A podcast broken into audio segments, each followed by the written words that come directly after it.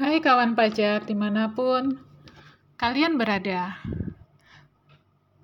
Perkenalkan nama saya Indah Yanti, penyuluh KPP Madya Surabaya. Kali ini saya ingin penyuluhan tentang ketentuan umum bea materai Undang-Undang Nomor 10 Tahun 2020. Dasar hukumnya Undang-Undang Nomor 10 Tahun 2020 berlaku mulai tanggal 1 Januari 2021 tentang bea materai. Undang-Undang Nomor 10 Tahun 2020 ini mencabut Undang-Undang Nomor 13 Tahun 1985 berlaku mulai 1 Januari 1986 tentang bea materai. PMK 4, PMK 03 2021 berlaku sejak tanggal 20 Januari 2021 tentang pembayaran bea materai. Ciri umum, ciri khusus, bea materai tempel, bea materai dalam bentuk lain, penentuan keabsahan materai, dan pemeter, pemeteraian kemudian. Definisi dan ketentuan umum. Dokumen adalah suatu yang ditulis atau tulisan dalam bentuk tulisan tangan, cetakan, elektronik yang dapat dipakai sebagai alat bukti atau keterangan. Tanda tangan adalah tanda sebagai lambang nama sebagaimana lazimnya dipergunakan dalam bentuk paraf, teraan, cap, tanda tangan dan cap paraf, teraan, cap nama atau tanda lainnya sebagai pengganti tanda tangan atau tanda tangan elektronik sebagaimana yang dimaksud dalam undang-undang di bidang informasi dan transaksi elektronik. Materai adalah label atau cari dalam bentuk tempel, elektronik, dan bentuk lain yang memiliki ciri dan mengandung unsur pengaman yang dikeluarkan oleh pemerintah Republik Indonesia yang digunakan untuk membayar pajak atas dokumen.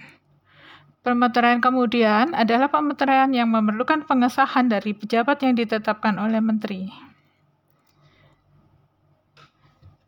Objek dan bukan objek bea materai. Objek bea materai. Pasal 3 Undang-Undang Nomor 10 Tahun 2020. A.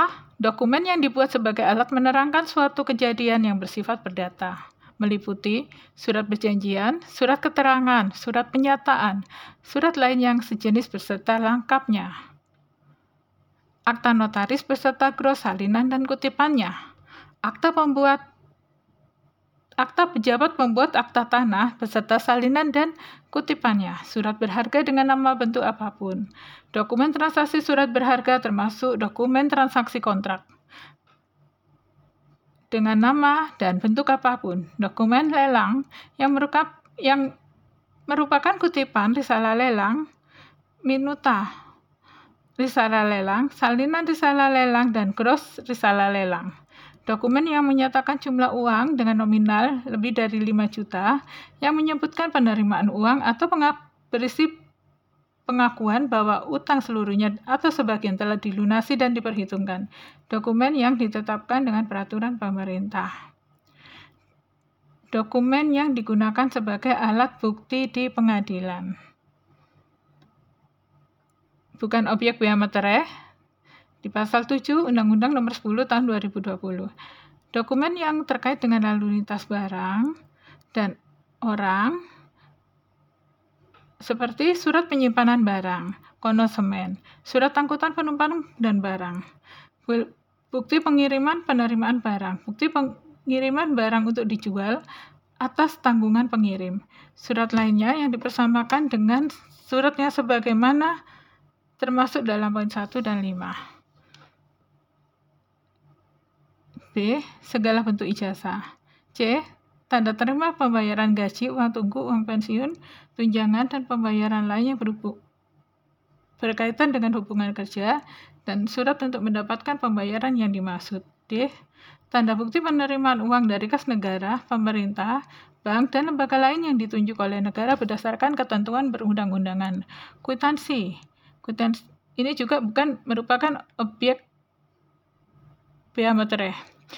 Kwitansi untuk semua jenis pajak atau penerimaan lainnya yang dapat dipersamakan dengan itu berasal dari kas negara, kas pemerintah daerah, bank, dan lembaga lain yang ditunjuk oleh peraturan perundang-undangan. F. Tanda bukti uang yang dibuat untuk keperluan intern organisasi.